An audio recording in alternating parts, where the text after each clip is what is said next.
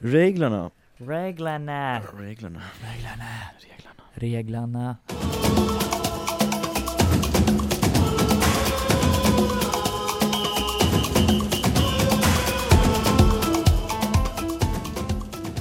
Det är fredag och eh, Copa Mondial är tillbaka som vanligt med mig Simon Lund och Wilhelm Eriksson här också. Tjena, tjena Wille, du är här också. Ja, fan. Det... Så, så oväntat varje gång. Ja. Konstigt om du bara skulle varit här som satt och pratade själv. ja, alltså monolog är väl alltid trevligt men eh, dialog blir lite roligare. Alltid lite roligare med konversation. Du, det har ju varit, eh, det har ju varit fotboll såklart i och med att vi sitter här och vi ska prata fotboll. Men det har ju varit eh, både Champions League och i eh, Europa League. Vad, ska vi börja med Champions League direkt eller vad, vad säger vi om den första matchen? Alltså Ajax, eh, Tottenham, Ajax är ju på väg att göra så Hela den här våren är en sjuk jävla skräll bara känns som. Ja, ja men det är helt sjukt faktiskt hur, det har vi konstaterat många gånger tidigare också att, eh, ja men Ajax är på väg mot, eh, mot Champions League-final vilket är helt, eh, helt makalöst. Eh, jag såg faktiskt inte den här eh, matchen, jag vet inte vad jag gjorde, jag hade någonting annat, jag kommer inte ihåg vad det var exakt men jag, ja. Jag tror du hade bra koll på vad du gjorde för. Nej men precis, precis. Nej men det var ju valborgskvällen, då, Ja. det var ju då Ajax-matchen gick. Men, eh, ja men när jag såg Tottenhams laguppställning så saknade de ju både Son och Kane och då är det sårbart och då kände jag direkt att det här kan nog sluta ganska trist för, för Spurs och eh, det gjorde det också. Men det blir ju ändå bara 1-0, det känns ju, alltså kan Tottenham vända det här i en match i Amsterdam liksom, eller i Ajax förstärka? De har ju varit otroligt bra på bortaplan, men hemma har det ändå svajat lite. Mm, jo men precis. Eh, alltså det är ju inte över än på något sätt egentligen, men, eh, ja, men det, de har ändå en jäkligt skön situation att gå in i. Sen hade ju mått ännu bättre av om, eh, ne, hur säger man nu, ne, Neres, ne, Ne- portugisiska, ja Neres, yttern i alla fall ja. i Ajax hade satt dit den där bollen som tog i innerstolpen så Ajax hade ju bud på, på fler mål men eh,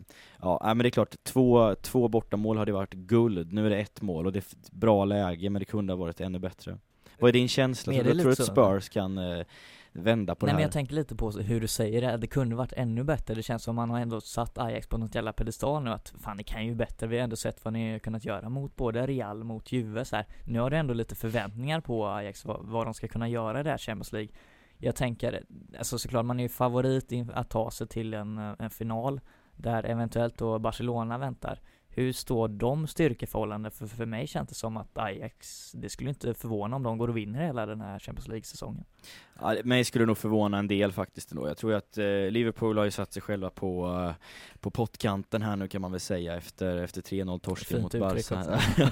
jo men det känns så. Så att jag tror att eh, Barcelona är nog lite för, för erfarna och jag förstår inte hur Ajax, eh, Mattias Delict i, i all ära och Daley Blint också då i backlinjen, men jag tror inte att de kommer kunna stoppa Messi och, eh, och en sån som Suarez är ju liksom så erfaren, kan nog eh, eh, utnyttja att Ajax var ett, ett ungt lag och ja, jag tror inte att de beror på Barcelona i en eventuell final nu, vet man ju inte, nu kan det ju fortfarande hända saker. Kan ju fortfarande bli Liverpool, Tottenham, bli men troligtvis inte då, eller troligtvis inte Liverpool i alla fall, tyvärr. För min del då. Nej men det känns ju som det alltid kommer, det, det är ju samma så här, okej de är lite för unga, de har kanske inte når hela vägen men alltså Jag känner nästan så att jag or, orkas inte ens förvånas över hur jäkla bra de är nu, att de slår ut sådana superlag som de har gjort den här turneringen och gör det över två matcher och gör det en, en alltså skulle göra det en match i finalen mot eventuellt då Barcelona eller Liverpool, det är det är inte helt otroligt att de gör det och det skulle väl vara en av de största skrällarna i Champions Leagues historia egentligen, eller vad, eller vilka, vilka andra klubbar har vi där som har, har Som för de här? skräll, alltså jag tänker ju alltså så här osökta skrällreferenser man Vi har har. det pratat om det här innan. Ja vi har ju gjort det precis och jag kanske är fel man att fråga just Är det anledningen. Chelsea eller? Ja. Kommer det? ja, jo men det är klart att Chelsea, i ett Champions League-sammanhang så är Chelsea, men jag tänker ju på en sån grej som, som att Leicester vann ligan, men då var det ju helt andra förutsättningar och så vidare och så vidare. Men om vi bara håller oss till Champions League-sammanhang då? Ja, alltså då är det väl eh, alltså Liverpool i eh, Istanbul 2005, nu är det länge sedan, men eh, ja det är också en Men hur var, jag tänker hur var styrkeförhållande inför den matchen? Jag tänker om man ligger under med 3-0 i paus såklart, med en jävla uppförsbacke Mm. Men eh, in, nu, kommer inte ens Ja. jag ihåg hur det var men Nej men alltså det laget Liverpool ställde upp med liksom, med så här Milan Baros och Vladimir Smitser och ja, Sissoko på, på ytterbacksplatsen. Milan var ju otroligt mycket bättre bättre. De hade ju ett mycket, mycket starkare lag. Det var ju liksom, det är väl ett av eh, historiens bästa lag nästan, det, den Milan-upplagan med, med Cedorf och Dida och Maldini och gänget där liksom. Så att ja, den, den finalen håller jag och eh, jag tror väldigt många som eh, väldigt högt upp när det kommer till, eh, till skrällar. Men eh, om Ajax skulle vinna, det är liksom, om man tänker rent ekonomiskt så är det ju sån överprestation så att det är ju helt sjukt alltså. Men jag tänker, kan man jag blev rätt trött på den här ekonomiska aspekten ja, jo, jo, i det allt. Alltså har du spelarna, du ser sådana spelare som Frankie de Jong och Mattias de Ligt, alltså det är ju såklart de inte sitter på superkontrakt eller att de har fått, eh, Ajax har betalat eh, multum när de plockar in de här spelarna, men om de växer och blir så pass bra som de är, för det är ju världsspelare redan nu får man ändå säga, då ska det väl inte vara sån jättestor skillnad. Alltså en världsback mot Leo Messi, okej, okay, det är ju mm. skitsamma hur mycket han kostar egentligen. Mm, ja, jo men på det sättet är det ju en, liksom en, en relevant invändning, men Ja, men alltså lyfter man bort liksom det ekonomiska och alla omständigheter så, ja men visst, alltså Ajax eh, har ju bevisligen ett väldigt bra lag och de hittar varandra otroligt fint. Vad heter han, Van der Beek? Eller, Van der Beek, ja. ja. helt fantastisk det jag såg mot, eh, mot Tottenham, vilken spelare liksom. Så att, eh, ja men de har ju visat att de har ett skitbra lag och det är häftigt när alla liksom är under 25 liksom. Det är ett väldigt ungt lag. Men det är de Jong, gammal han? 19-20 typ liksom. Ja. Så det, ja, det är sjukt. Men man får ändå, det är ändå lite vinna eller försvinna, så, eller såklart i en sån här turnering, men antingen vinna med Ajax eller så, för det känns, Ajax kommer inte vara i den här toppen nästa säsong när man har släppt alla spelare. Jag såg något, någon sån statistik på vilka spelare man antagligen släpper. Frank eh, de Jong lämnar ju, eh, Mattis Likt kommer antagligen lämna för Barcelona, Van der Beek ryktas till PSG, och Nana målvakten, han ska ju också försvinna. Alltså vad, vad kommer Ajax ha för lag nästa säsong? Det känns ju de här pengarna man får in av, från ett, eh, en succé i Champions League kommer ju behövas om man ska fortsätta vara på den här nivån, men mm. jag har mm. otroligt svårt att se att de är det. Ja men de kommer ju inte vara det, de kommer ju tappa liksom halva startelvan till nästa säsong och en sån spelare som, alltså de du räknar upp liksom, så här, Mattias Delikt kommer ju eh, troligtvis bli en av världens bästa mittbackar om man inte redan är det nu liksom och, och kommer ju lämna för typ Barcelona eller Real Madrid eller vad det nu blir liksom. Intervjuer då? Eh, ja, de, de, de lägger inga pengar på spelare, Ronaldo, sen är det bara massa ja, vi kan få någon, Jag tänker vi kan få någon gratis eller? Det finns inga så ja, Du kan ju höra det för med agent och klubb ja, där kanske Nej men jag får prata, det, är Lamino som har honom också. Ja det kanske Då blir det inte gratis heller Nej nej det blir det aldrig, det blir, det, blir det aldrig. Ja, nej men det var, ja precis, så så är det. Så, kom på, kom inte ens på vad vi pratade om. Nej, Men jag tänker på den andra matchen, Liverpool-Barcelona. Eh, Matchen startade ändå, det, det är ändå rätt jämnt och känns som ändå Liverpool har många chanser för att gör, har, får ett bra utgångsläge egentligen till Anfield, men sen slutar ändå matchen 3-0 och Messi har gjort två baljer och man snackar om världens bästa fotbollsspelare någonsin igen. Alltså hur i, mm. Man vill inte ta den frågan hur bra är han, men alltså var det klasskillnad egentligen? Eller vad, alltså jag, vad är skillnaden? Jag tycker inte att det var klasskillnad egentligen faktiskt. Jag tycker att eh, men Liverpool stod upp väldigt bra. Eh, men min första reflektion är ju att eh, jag tror att det hade blivit en annan match om Firmino hade spelat. Alltså han, han kom ju dock in Han kom, han kom ju in med, med typ 13, en kvart kvar eller vad det nu var, så att det, han fick ju inte vara med och leka sådär jättemycket där. Men han har ju varit skadad, åkte på en jävligt uh, oturlig skada nu för uh, någon vecka sedan då, så att han var inte redo att starta matchen här. Så då blev det ju Wijnaldum på topp, inom, liksom, i defensiv formation i alla fall. Och det, alltså, Wijnaldum liksom, is running his socks off liksom. Han jobbar ju stenhårt, men det blir ju speciellt när man har alltså en, en defensiv mittfältare som anfallare, men det var ju mycket för, för pressspelet, vilket också fungerade bra. Jag tycker inte att Liverpool släpper till sådär jättemycket målchanser, alltså om man tänker på att det är borta mot Barcelona, så jag tycker att eh, ja, men Liverpool gör en, en bra match, men eh, det är inte kliniskt nog liksom. Men jag, jag, tänker också när man öppnar upp sig i slutet, när man ligger under med, vad är det, 2 eller 3-0. Mm. Kunde ha blivit ännu mer. Ja, ja, alltså de öppnar upp sig otroligt. Det känns ju som den här matchen kunde sluta 5-0 helt enkelt och matchen är totalstängd. Men jag tänker mm. 3-0 inför retur på Anfield som antagligen kommer koka, kommer mm. Liverpool kunna skriva upp där och eh, göra gör någon match av det, eller liksom är, är det kört nu? Alltså det är ju 5-10% kanske, att det kan bli en, en, match av det hela liksom. Men jag tror att, eh, som jag sa innan, liksom, att Barcelona är så erfarna på, på liksom den högsta Champions League-nivån nu. Jag tror att de kommer, kommer kunna lösa det på ett, eh, på ett bra sätt. Liksom. Jag tror att det, det, är fel lag att möta, möta i den här situationen, det säger ju sig självt. Men, eh, men jag menar, så, lite som så, så de spelade mot Liverpool nu, så hamnar de ju ganska lågt, men kontrade, så att det var liksom så här, Liverpool fick smaka på sin egen medicin lite. Eh, och det är det som har varit lite, lite problemet tidigare för Liverpool, att eh, man har blivit bortkontrad väldigt mycket och att det har varit mycket inlägg och hörnmål. Uh, men ja, alltså, det är klart, det, det är ju, det, jag ska inte räkna ut det helt. Liksom. Det måste ju till ganska mycket tur för Liverpool för att de ska kunna göra någonting av det här. Men, men finns det någon uh, taktisk förändring man behöver göra till den matchen? Alltså, man kanske inte går upp och tokkör nu det första man gör, eller försöker man ändå eller vad har man för taktik? Försöker man, kör man tokkör från början och kanske eh, släpper in något tidigt? Det funkar inte heller tänker Nej jag. precis, nej men jag, jo men jag tror ändå att det är liksom enda, enda, enda sättet att vinna den här matchen på. Men eh, en fotbollsmatch är ju lång och man hinner ju göra tre mål om man spelar väldigt bra liksom. Så att det är ju inga problem egentligen på det sättet.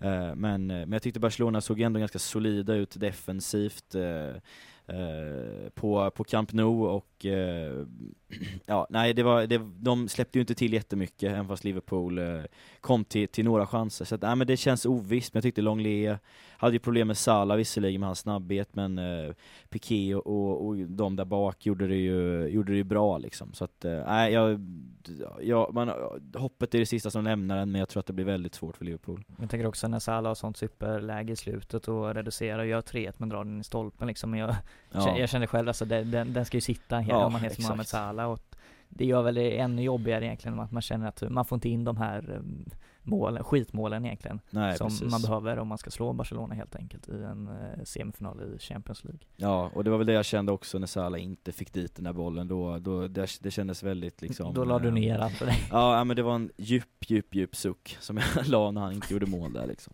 Så att, eh, nej det som Liverpool-supporter var det jävligt tråkigt för jag tyckte att de var värda mer, även fast det blev som det blev på slutet då liksom. Men det är ju också så som matchen går.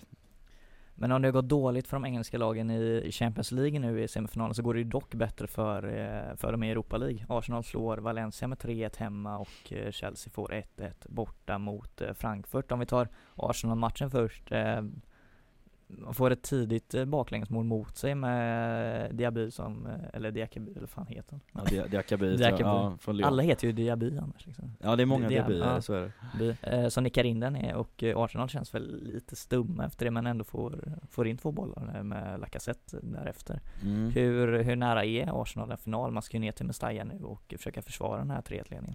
Alltså Unai Emery har ju ett otroligt fint track record i Europa League, det går inte att bortse från det liksom.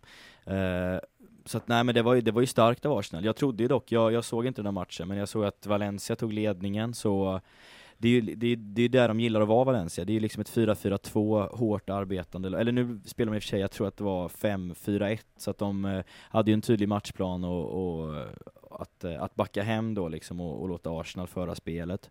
Men då trodde jag faktiskt att det var lite smygridå för, för Arsenal då, när 1-0 målet kom. Men, eh, nej, men de eh, rider ut stormen där och, eh, och lyckas göra tre. Så att, eh, nej men det var, det var stark, en jävligt stark återhämtning. Man får ju ändå en kvittering rätt, var det fem minuter efter första målet, sen gör 3-1 som kan visa sig bli otroligt viktig i 90 minuten. Alltså det känns ju, Arsenal brukar väl inte ha stolpe de här, in. Ja, mycket stolpe in, lite som vi pratade om att det var stolpe ut. Liverpool är det mer stolpe in Arsenal nu. Alltså kan man, hur, hur ser styrkeförhållandena ut egentligen inför en sista match för Mestalla? Då det är ändå två, två mål de ska göra, eh, Valencia, men det känns som det blir otroligt svårt att göra det på ett Arsenal som ändå har flytid med sig nu också. Ja, jo men det är klart, det blir tufft för dem, men jag tror inte man ska räkna ut dem heller helt och hållet, för eh, men Valencia är ju ett, är ett bra lag liksom, det finns, eh, finns ganska mycket kvalitet i det där laget. Eh, men eh, ja, och så kommer de ju ha ett kokande Mestalla som troligtvis kommer vara typ fullsatt då när det kommer de här engelska storklubbarna. Så att, nej, eh, jag räknar inte ut eh, Valencia. Jag har dock inte sett den här matchen och inte läst så mycket om det heller, så jag vet inte hur eh, om det var viss del otur eller hur, eh, hur matchen utspelade sig eller om det bara var Arsenal som gjorde det bra helt enkelt. Vi får väl se hur det går egentligen nästa vecka väl returerna och se om mm. Valencia kan vända. Om vi tar den andra matchen, Chelsea har lite flyt, gör en mål innan paus och får 1-1 och det är också det det slutar i Frankfurt. Eh, vem gjorde Frankfurts mål? Har du koll på det? Det kan vi ta en snabb Nej, men titt du, på det, det finns ju en spelare som kan göra det. Det Vem gör kan det i Frankfurt? Ja precis, det var en retorisk fråga. Ja. Luka Jovic. Ja, det är såklart han gör det. Eh, såklart man kommer in på det nu, men vad har framtiden för Luka Jovic att utvisa egentligen? Ja, alltså han har väl inte gjort jätte- jättemycket mål nu på slutet, de sista omgångarna. Den här eh, extrema, eller hysteriska formtoppen eh, har väl avtagit något, men han, eh, han är ju en klassspelare och man skulle nästan vilja titta på lite mer Frankfurt-matcher för att ja, men, eh, scouta honom lite för egen del liksom. Men, eh, ja, men det är mycket, eller jag tror att säsongen som kommer blir han nog kvar i Frankfurt. Jag tror han har sagt det också, att han, han blir kvar i, eller i Frankfurt Men känns inte det jävligt konstigt också när man gjort sånt supersuccé och eh, man har hört, jag tänker en sån som Emil Forsberg gör supersuccé i Leipzig, det pratas om Milan, det pratas om Arsenal, det pratas om Liverpool, jag vet inte hur många klubbar. Och sen eh, kommer man tillbaka till sin förening och gör en liten halvtaskig säsong och man, man blir kvar helt enkelt. Man, man kommer inte ut i de här stora klubbarna. Är det inte, ska man inte ta det steget direkt när man väl har gjort en succésäsong och ändå gå för det? Kan, jo men kanske, kanske. Men sen beror det ganska mycket på vilken situation spelaren befinner sig i. Har man en tränare som liksom eh, verkligen eh, har koll på läget och har, eh, alltså, eh, har man en, en av liksom, de bästa tränarna över sig liksom, så eh, finns det ju anledning att vara kvar liksom. Men eh, det finns ju också exempel på, eh, på spelare som har gjort det jättebra i mindre klubbar och det har varit en tränare som kanske inte riktigt har eh, koll på läget liksom. Då, då är det en annan sak, då kan det finnas anledning att flytta. Men jag tycker Frankfurt eh, verkar ändå vara i väldigt bra händer i den sportsliga ledningen. Så att eh, jag tror att det kan vara smart att vara kvar ett år till kanske. Spontant känner jag så. Alltså man får ju väldigt sådana vibbar att Frankfurt kommer ju gå åt helvete nästa år, det får ju jag. Alltså det är ja, jo, jo. fem matcher in och man har en poäng och sparkar tränaren och sen är man nere i det här eh, bottenstrid igen och vad fan, vem pratar om Luka Jovic då liksom? Ja, jo men det är klart, ja, risken är, finns ju alltid liksom. Men eh, så som det ser ut utifrån så verkar det som att den är väldigt välskött, Frankfurt. Men eh, Frankfurt, eh, Chelsea, har Frankfurt någon chans att vända det här på Stamford Bridge nästa vecka eller är Chelsea lite för starka där? Ja, Jag tror nästan att Chelsea är lite för starka där och jag tror att de har ju sån otrolig motivation i och med att Champions League-spelet från, från Premier League är liksom lite jeopardy just nu. Eh, sen att de kunde vila Hazard och ändå fick 1-1 borta mot Frankfurt tycker jag ändå liksom så här säger någonting om styrkeförhållanden mellan lagen. Så att eh, jag tror ju att Chelsea, Chelsea går vinnande i det här faktiskt. Är det inte lite vågat att alltså vila sin bästa spelare när den största matchen för, alltså, ja, okej, den största matchen för säsongen kommer upp ändå och man har chans att ta sig till en Europa League-final? Varför Mm. vilar man Eden Hazard i en sån match? För jag förstod inte det överhuvudtaget. Nej, nej, men det är ju lite, det kan ju vara lite konstigt eh, så liksom. Men, eh, Men då måste ju prioriteringen ligga på ligan istället. Jo, men det vilket känns också ju så. känns eh, väldigt weird när man kan gå för en tight, mm, tight, tight, med title, Ja. en titel helt enkelt. Jo, jo men det är klart, det är klart. Men det, jag tycker också att så här, man klagar mycket på att Chelsea inte värvar och så vidare. Nu kommer ett värvningsförbud, bla bla bla liksom. Men det är ju fortfarande ett starkt lag. De har ju en jäkla bredd. Alltså det är ju liksom minst två på varje position som ändå håller hög klass liksom. Så jag tror att eh, vissa vill ju få det till att Chelsea ja, befinner sig i en hopplös situation. Men det finns ju ändå en bra bredd och med liksom spelare som Kanté och Hazard och, och de här liksom. Så ja, det är ingen kris i Chelsea heller riktigt.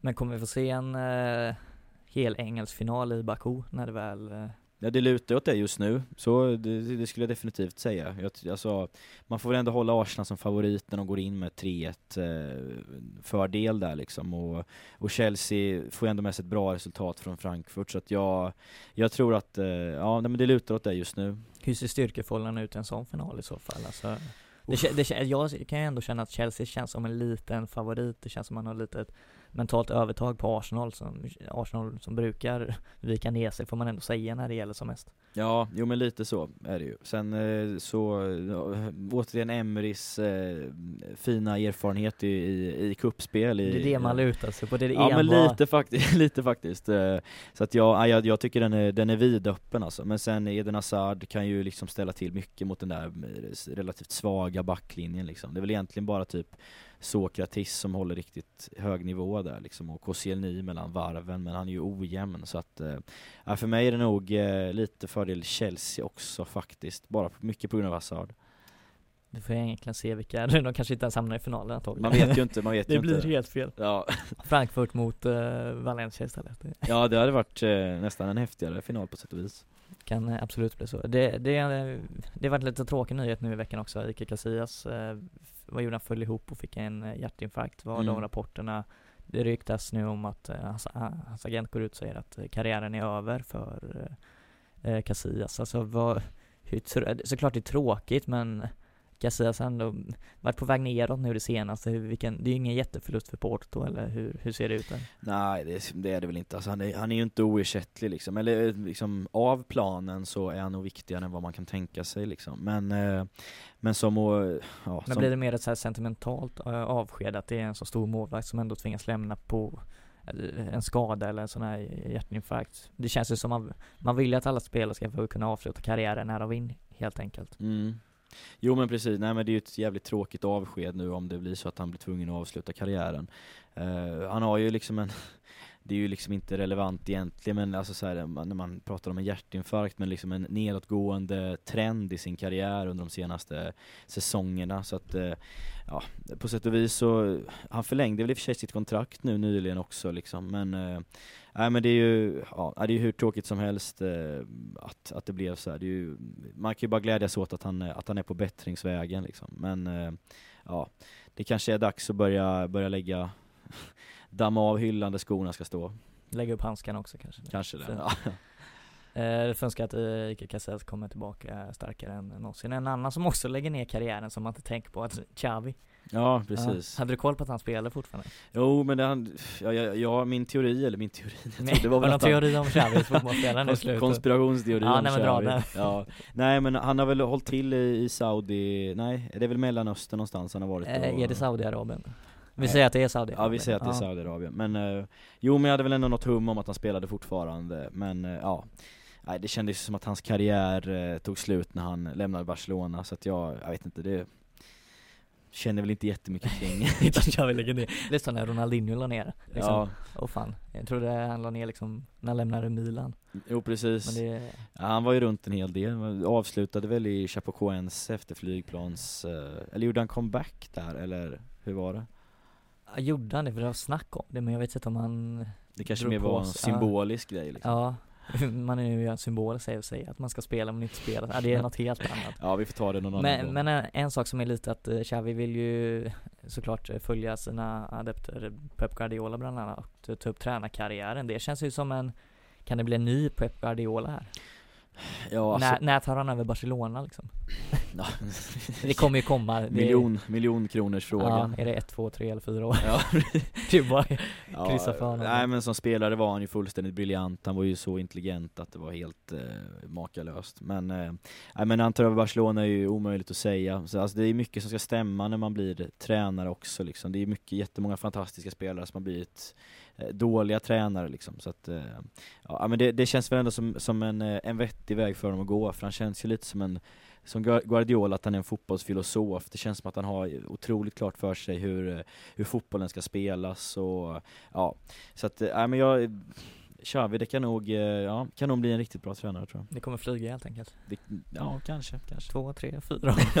Vi får se, vi det kommer flyga. Han kommer ju ta över något så här Barcelona U18-lag Ja, han går väl den vägen ja, som, som alla, ja, Som alla, alla gör, som alla tränare gör. Som alla gör ja, precis, precis, som Pep Guardiola. Jag tänkte, det har varit lite uppflyttningar och nedflyttningslag äh, nedflyttningsklara lag helt mm jag tänker Championship, Leeds kunde ju inte knipa den eh, sista uppflyttningsplatsen. Det blir Norwich och Sheffield United som tar dem.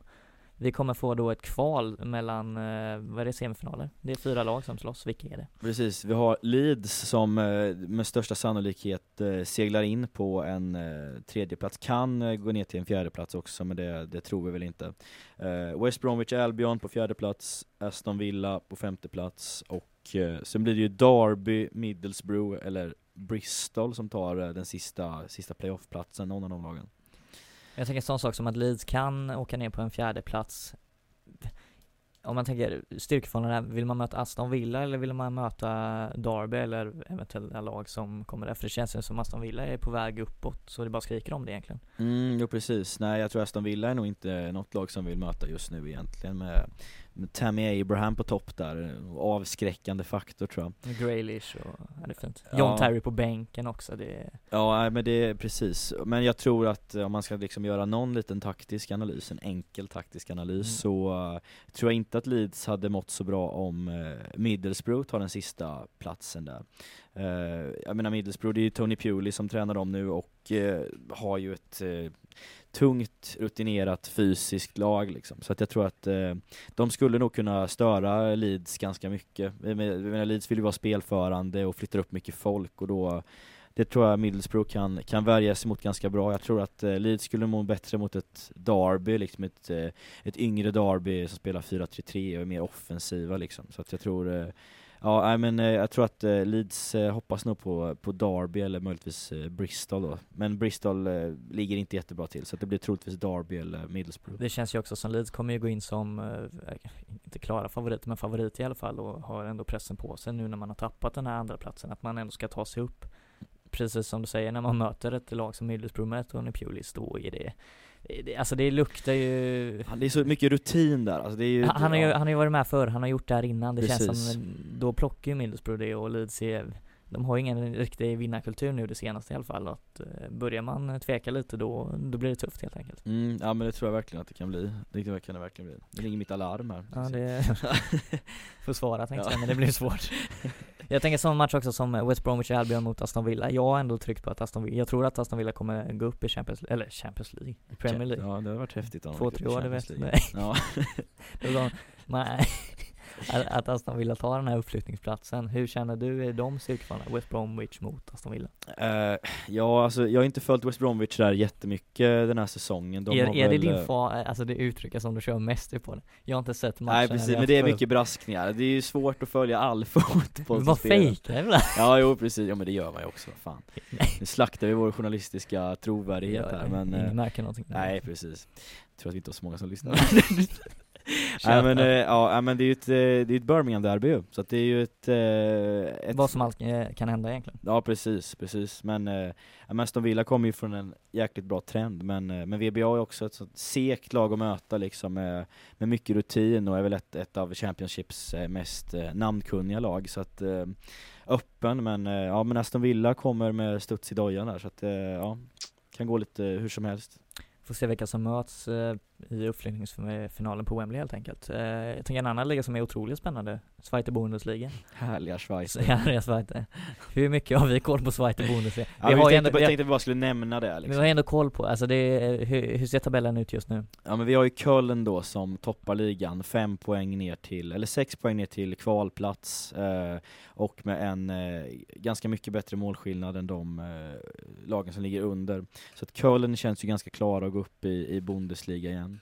Såg du Köln någonting i Europa League förra säsongen? Det var väl Eh, förra säsongen de mötte Arsenal i Europa League? Eller var det förr, förra Det säsongen? måste varit förr, förr, för jag kommer inte ihåg att de, att de spelade, eller var det förra? det kan ha varit, Är ja, det samma år som Östersund? Är det? Ja det är det ju då ja, Ja. tror jag. Ja. Bra segment. Nej jag Ja. kommer inte ihåg dem, jag har inte sett uh, Köln i år heller. Nej. Eh, är, är Köln ett lag man vill ha upp i Bundesliga egentligen? Alltså det är väl en av eh, Tysklands största städer liksom, så att det, är ju, det finns ju potential för att, eh, för att göra det bra liksom. Och, eh, men det är väl Podolskis eh, moderklubb också, så att det, ja. Köln är väl lite charmig ändå. Eh, lite charmig kanske. Mm. Jag tänker en sån sak som, inte kanske den största staden i eh, Tyskland, men Paderborn. Tvåa just nu. 54 poäng. Vad har vi på Paderborn? De har alla blåa tröjor eller vad är det de har? Ja. Nej, det, nej det är det. ja. Paderborn, eh, Union Berlin trea, Hamburg som eh, åkte ut förra året, eh, fyra och sen har vi, ja, de är ändå med, Haddenheim är ändå Heidenheim, Heidenheim. Heidenheim Ja, och, de och St. Pauli där, men det är ja, nej men det är, Union Berlin hade ju varit häftig att få upp. Läs, lite- Läste du det offside förresten, det reportaget? Eh, Eh, nej nu sätter du mig lite på, nej, Ja, inte ja men det handlar i alla fall om alltså, att Union Berlin, att det är liksom lite identitetskris där, att eh, vill de gå upp, de vill ju vara det här liksom rough arbetargänget liksom i, i Berlin, så att eh, ja, Kan man inte gå upp och vara det ändå tänker jag? Ja men då blir det det här kommersiella liksom, Bundesliga-tänket Ja, men vad fan liksom. har man en fotbollsklubb då? Ska man eh, harva runt i Schweiz och sen, nej nu går det bra, nu tar Ja, men jag gillar ner." ändå det, den den identiteten alltså. jag eh, måste, måste säga att jag älskar det, jag börjar ogilla den moderna fotbollen mer för varje dag liksom, så att eh, Ja man vill ju upp Union Berlin men på samma gång, äh, Vill skär- inte? Jo men på samma gång vill jag ju skönt att de är där nere i Schweiz, de ska ju vara där på något sätt liksom. Vi har ju ändå Sebastian Andersson, svensk spelare, såklart vi vill upp eh, svenska spelare i Bundesliga, de högsta ligorna. Ja ja men, ja, nej, men du, Eller vill, vill att han knegar på där nere. ja, han kan, han kan, Han kan gå- byta lag, han kan byta till Paderborn när de går upp. Ja men precis, eller följ med Köln upp eller vad det nu kan vara liksom. Men, eh, ja, men under Union Berlin så har vi ju Hamburg där också. Det är ju en klubb som, eh, Vill man egentligen ha upp Hamburg nu? Men alltså de har ju ändå, det, känns som de behöver börja om, eller det har de gjort den här säsongen såklart, men börja om och ta några år i Schweiz. Nu, kän- nu, nu är det bara spekulationer vad vi vill egentligen men det ja ja men det kan vara kul att höra för lyssnarna om vad vi, vad vi står någonstans Jag i, vill i upp, un, fotboll, liksom. in, in med Berlin, ut med Hamburg. De ska inte upp. Nej okej. Ja men ja, nej jag vet fan, jag, jag känner väl också att Hamburg kanske skulle må bra av något år till i, i andra ligan där, men eh, mindre pengar och det kanske, jag vet inte hur det ser ut, blöder Hamburg? Jag vet inte. Nej, nej jag vet inte. Nej. hur, går det? Ni Hamburg-supportrar, ring in. Ring in. Ring in. Ja, vi har telefonnummer också, är live. Vi har inte det. Ja, det är bra att ändå säger Ja. det. Ja, det är jäkla Vi bra. har, Okej, vi, vi gör så här, vi, vi är uppe i 30 minuter, vi har sagt att vi försöker hålla oss där. ett journummer. Vem sitter och kör den? Är det du som tar jouren idag Ja. eller är det jag som tar? En halvtimmes jour på dem. Ja, vi Ja. kanske ska anställa någon istället för att sitta på Jo precis, får väl börja ta in lite sponsorer Ja. och sånt Hör av er på Vill ni på jouren? Men det är inte så många som ringer antagligen. Nej det är Eller vet vi, vi har inte testat det Nej precis Ska vi gå över till listan istället? Ja vi, vi, vi går över till listan Det är ett segment som håller i alla fall Ja, jo precis. Och den här veckan är det då jag som ska ta fram en liten lista åt dig och då eh, tog jag lite på uppstuds här innan sändning eh, Som du tänkt, brukar. Ja men lite så. Så tänkte jag att jag vill att du rangordnar eh, tre favoritnickmål genom alla Hur tider. tusan ska jag ta det på uppstuds? Ja men jag, jag tog det på uppstuds, du får, du får vara hur, eh, hur reflekterande du vill där borta, du får jag- gräva djupt i Nu såg jag ju, ja, nu såg jag Leo Messis nickmål när han gjorde i final, Champions League-finalen på Wembley 09, nej det var i Rom gick den då. Mm. eh, Just att han, sättet att han hänger på, att han lutar sig bakåt, han är så kort att den eh, går in, det är det första som kommer upp. Mm. alltså Jag tänker, vad hade du för nickmål som du tänkte på i så fall? Nej men jag tänker lite på, alltså Suarez gjorde ett sjukt snyggt nickmål mot, eh, mot Cardiff den säsongen vi jagade titeln. Jag kommer ihåg, Vad uppenbart att det är liv ja jo, jo men det är klart, men, eh, ja, men jag kommer ihåg att eh, då hade vi Ali Cissoko på vänsterbacken där som eh, Gud ska veta att han hade sina begränsningar Vad gör liksom. han nu? Han var i Lyon efter det och sen Ja precis, sen hade det gått lite ut för tror jag, jag skulle gissa att han spelar i något så här franskt Han är inte i Union typ. Berlin eller? Ja, det hade ju varit kul om han var det i och för sig Vill vi upp dem då? Ja, ja det var ju en annan femma kanske men eh, Det är helt annat så. Nej men att, eh, ja, men han liksom, det kommer in ett stenhårt inlägg vid liksom straffområdeskanten och Suarez liksom trycker den liksom, siktar utanför men den liksom seglar in i krysset och det är liksom ett av mina favoritnickmål. Men sen liksom Henke Larsson mot Bulgarien 2004, Den, den, det är ju liksom ja, eh, nej men den är ju en klassiker när han ja. hänger i luften liksom och bara, vad, vad, är det femman han trycker in? Det är en överkörning också. Ja, jag tror att det är väl ett av de sista målen, Edmans eh, härliga långa Ja, men alltså den är ju sjukt inlägget. Ja. Ja, det är magiskt. men Det du vet ju den här så när du håller inne den knappen på Fifa och trycker på ett tidigt Nej, nej, inlägg. nej, säger jo man men det är ju det. Ja, nej, vilka, vilka har du nu då? Det känns som att vi... Vi har Henke Larsson, vi har um, Leo Messis nick. Eh, vad har vi haft mer för supernickmål egentligen? Alltså jag Typ tänker Van Persie i, eh, vad var det? VM, ja, ja Mm. herregud. Eh, det är bra att du kommer det på finns ju många nickmål, Ja, det det, var finns, det som det slog det. mig innan jag funderade lite på det här. Det finns Det- väldigt många snygga nickmål. Det finns ju något nickmål där i Premier Leagues eh, början där en back nickar in den i egen kasse. Just, det är ju inte snyggt men just att det är, han nickar ju ändå in den liksom. Ja, jag kommer inte på direkt vilken spelare du pratar om här nu. Nej det gör inte jag heller. Sen gjorde ju Kalle Mangus ett jävla fint nickmål för Gais där mot Halmstad i någon match för några år sedan. ja, det, ja. Avgjorde matchen på tilläggstid men det, ja nej den är nog inte med. Men om Nej. vi har, eh, vi får ändå ta Henke Larssons eh, nickmål som etta, Mm. van Persie som tvåa och sen får vi väl ändå jag blir sugen på att ta det här självmålet men det, Vad så, ja, mm, Halmstad nej, nej alltså självmålet i Premier League. Aha okej ja. Ja. Nej men men, fan det kan du inte ta, du får ju ta något som sitter i rätt bur herregud nej men vi kör Leo Messis eh, nickmål mot eh, United i Champions League-finalen 2009 för det är ändå, eh, det är så oväntat och han ändå tar av sig dojan efter och kysser skon vilket, mm. om du nickar in bollen, varför tar du av dig dojan och kysser din sko?